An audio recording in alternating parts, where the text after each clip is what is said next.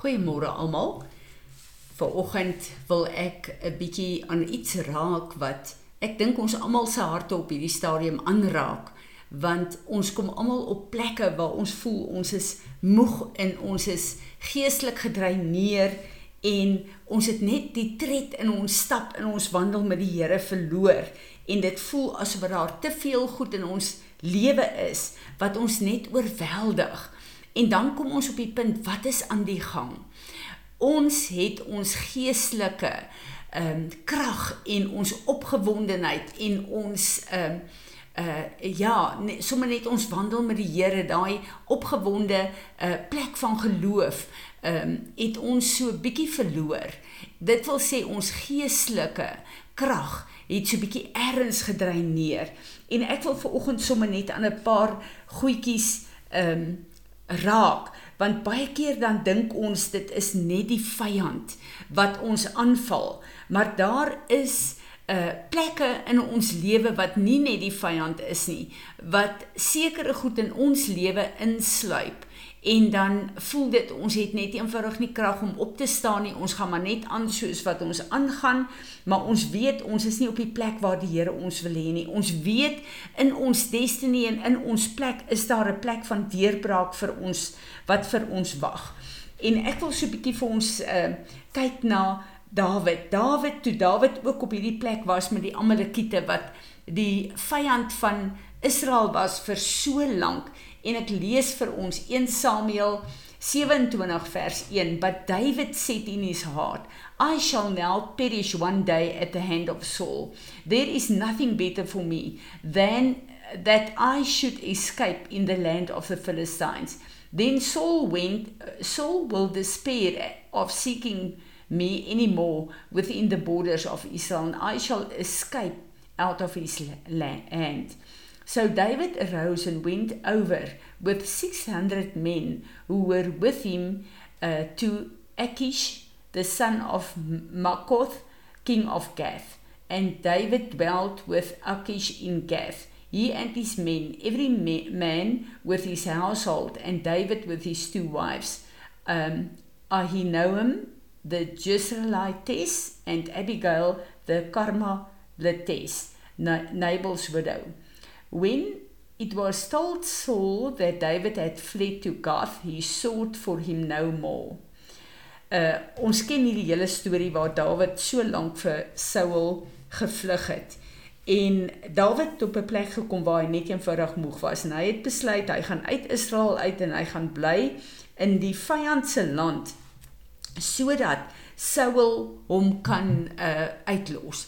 En hy het 'n jaar en 'n half het hy daar by hulle gebly waar hy net eenvoudig niks gedoen het nie waar hy gedreineer uh, was um uh, uh, om nie uh, Saul te beveg om sy destiny uh, op te neem in die Here nie. Nou daar is drie goed wat baie baie uh, belangrik is as ons op 'n plek kom waar ons sommer net 'n bietjie moeg is. Moeg vir alles, moeg vir ons elke dag se rotine, moeg vir al die probleme, moeg vir die uh vinnige rotine waaraan ons is, moeg vir die plek waar ons net getrou doen wat ons moet doen, maar ons sien niks nie. En ek weet daar's baie van ons wat op so 'n plek voel. En baie keer moet ons weet, is hierdie 'n plek wat uh die vyand dan gebruik en ons aanval want voor ons deurbraak en voor ons na 'n nuwe seisoen toe gaan kom die vyand met 'n aanval om ons te probeer lam lê en terughou. Nou wanneer ons kyk na na 'n plek waar ons uh, totaal moeg is en baie keer moedeloos is, dan in ons elke dag se dien van die Here, in ons elke dag se werk, in ons elke dag se wandel in ons leefwyse, word ons baie keer moeg en veral wanneer ons geestelik moeg raak. Onthou die gedeelte waar Jesus die vrou Jesus se kleed aangeraak het. Jesus was in die bediening gewees, hy het daagliks met mense gewerk. Hy was besig met sy elke dag se lewe. En die oomblik toe daai vrou aan hom raak, toe sê die woord dat krag uit hom uitgegaan. So daar daar gaan krag uit ons uit elke dag. En daarom is dit vir ons so verskriklik belangrik om daagliks gevul te word deur Heilige Gees sodat die krag wat ons uh gebruik in ons elke dag se lewe en dien van die Here weer herstel kan word. En dan is daar 'n plek van van sonde nie om op 'n heksejag te gaan na al hierdie sonde wat is verkeerd in my lewe nie maar laat Heilige Gees vir ons bietjie wys hoe lyk ons elke dag se tyd wat ons ontspan? Wat lees ons? Wat is in ons entertainment? Wat kyk ons op die TV hoe spandeer ons ons vrye tyd? Ehm um, wanneer ons kuier kuier ons saam met verkeerde mense? Is daar goed wat my geestelike lewe en my verhouding met die Here net eenvoudig dreineer. Is daar goed in my lewe en in my ontspanning wat ehm uh, soos gate is wat die geestelike krag en die salwing van die Here uit my lewe uit dreineer. Hierdie is goed wat uh letterlik ons tyd mors en dan voeg dit by ons besige programme, maar dit is sonder 'n vrug. Ehm um, dit bring ons net op daai plek waar ons nie vrug sien nie en waar ons moeg is om altyd net die regte goed te doen. Ons uh het 'n lewe waar ons uh die Here aanbid, waar ons lees, waar ons bid, waar ons gee in die koninkryk in, waar ons uh ons verantwoordelikheid met die byeenkomste ehm um, nakom. Maar hierdie is die plek letterlik waar ons voel ons is nou net 'n bietjie moeg. Maar onthou dat wanneer ons toelaat laat die goed van die wêreld ons dreineer, dan gee ons die vyand 'n plek om ons te vernietig en ons destiny weg te vat. Onthou wat met Samson gebeur het. Hy het met sy kop op Delilah se skoot gaan lê. En daar het hy gekompromise en hy het sy geestelike krag verloor. Pas op vir hierdie plekke dat ons goed doen wat ons 'n um, 'n uh, 'n uh, geliefde ons petsins is sonder dat dit regtig as sonde uitgewys gaan word. Pas op vir daai goed. Dit dreineer ons geestelike krag en dit laat ons ehm um, 'n uh, kompromie aangaan. Uh dan is daar 'n plek wat as ons hierdie goeders op plek het, as ons eh, kyk na die plek waar ons nie geestelik ons verkoop en ons eh, krag terugkry by die Here nie. En ons speel met plekke waar daar verkeerde goed in ons lewe is wat ons dreineer, wat letterlik compromise met 'n eh, met 'n wêreldstelsel. As hierdie goeders op plek is, dan kom die vyand soos met Dawid en hy kom en hy uh, uh neem 'n aanvalsplek teen jou in.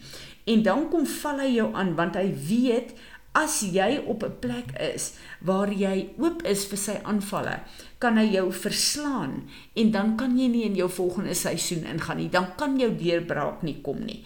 En uh, hierdie is 'n plek van God se oorwinning in jou en skuif van jou versoek uh, vir in van jou seisoen om jou op 'n deurbraak te bring. En hier is die plek waar hy jou letterlik wil aanval. As ons verder lees in hierdie gedeelte, dan sien ons toe die vyand vir Dawid hier aangeval het voordat hy deurgebreek het en gesalf is as koning het die amalekiete eh, teen hulle opgetrek. Daar was 'n geweldige geveg. Maar in Dawid se eie kamp het daar uh, het die vyand mense gestuur en hulle wou Dawid doodgemaak het Ehm um, so Dawid was gebroke geweest, sy eie mense het teen hom opgestaan. Daar was 'n aanval van die vyand geweest en Dawid het sy krag by die Here gekry en God het vir hom die deurbraak gegee. En die deurbraak was om sy seisoen te verander en om as koning te salf.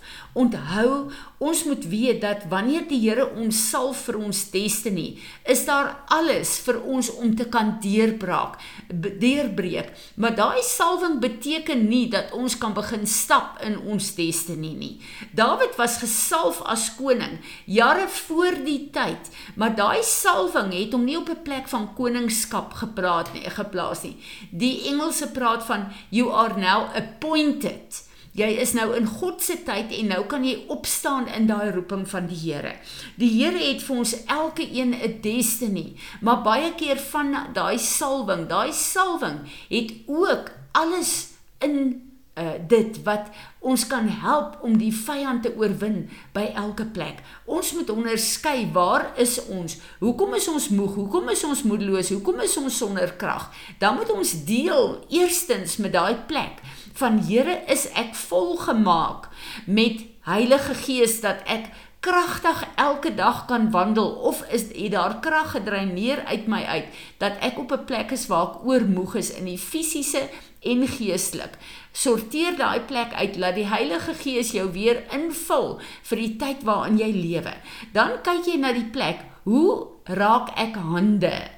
met die wêreld, met goed wat my wegtrek van God af, met goed wat my tyd mors, met goed wat vir my 'n 'n vermaak is, 'n plek van comfort is waar ek net kan uitspan en af uh, uh, uh, en ontspan. Maar dis nie 'n plek waar God my wil hê nie, want dit is letterlik so 'n Simpson met sy kop op Delila se skoot gelê het. Laat ons dit uitsorteer en dan kom ons op die plek waar ons die vyand en sy mag magte herken en met die oorwinning van die kruis van Golgotha elke een van hierdie aanvalle uh kanselleer dat ons opstaan dat ons met die wapens en die autoriteit van God hierdie goeders beveg en laat ons dan die vyand op sy plek sit en dan deurbreek in die plek waar God ons uh, in hierdie seisoen wil hê waar die oorwinning van sy salwing op ons lewe ons kan posisioneer op 'n plek waar hy volgens ons roeping ons geroep het om vir hom te regeer en om die beloofde land in ons destiny in te neem. Mag die Here ons hiermee help. Vader, ek wil vir U dankie sê vir U woord wat so kosbaar is, wat vir ons 'n voorbeeld is, waarmee ons kan identifiseer, wat ons kan neem en sê Here, hierdie plek waar Dawid is, is waar ek ook is. Wys my, waar is ek gedreineer? Ek wil myself kom onderwerp aan U om gevul te word deur Heilige Gees. Wys my elke plek waar ek hande vat met die wêreld, waar my gerief en my comfort en my ontspanning op plekke is wat nie vir U aanneemlik is nie. Here, wat vir my kompromie met die wêreld laat maak, wat my tyd mors, wat my vrugteloos maak. Vergewe my daarvoor en wys hierdie plekke vir my van my Here dat ek kan ophou om my te vermaak met goed wat my programmeer weg van een u woord af. En dan Vader, gee vir ons die onderskeiding vir die werk van die vyand dat ons kan opstaan in U met die volle wapenrusting van ons God en dat ons elke een van sy aanvalle kan weer lê met die oorwinning van die kruis van Golgotha. Here, ons is gereed om te beweeg in die volgende fase van U bestemming, U destiny in ons elke een se lewe. Here Jesus, en ons bid dat U verheerlik sal word op hierdie plek, want U is die een wat die oorwinning vir ons behaal het. Word verheerlik in en deur ons lewens. Amen.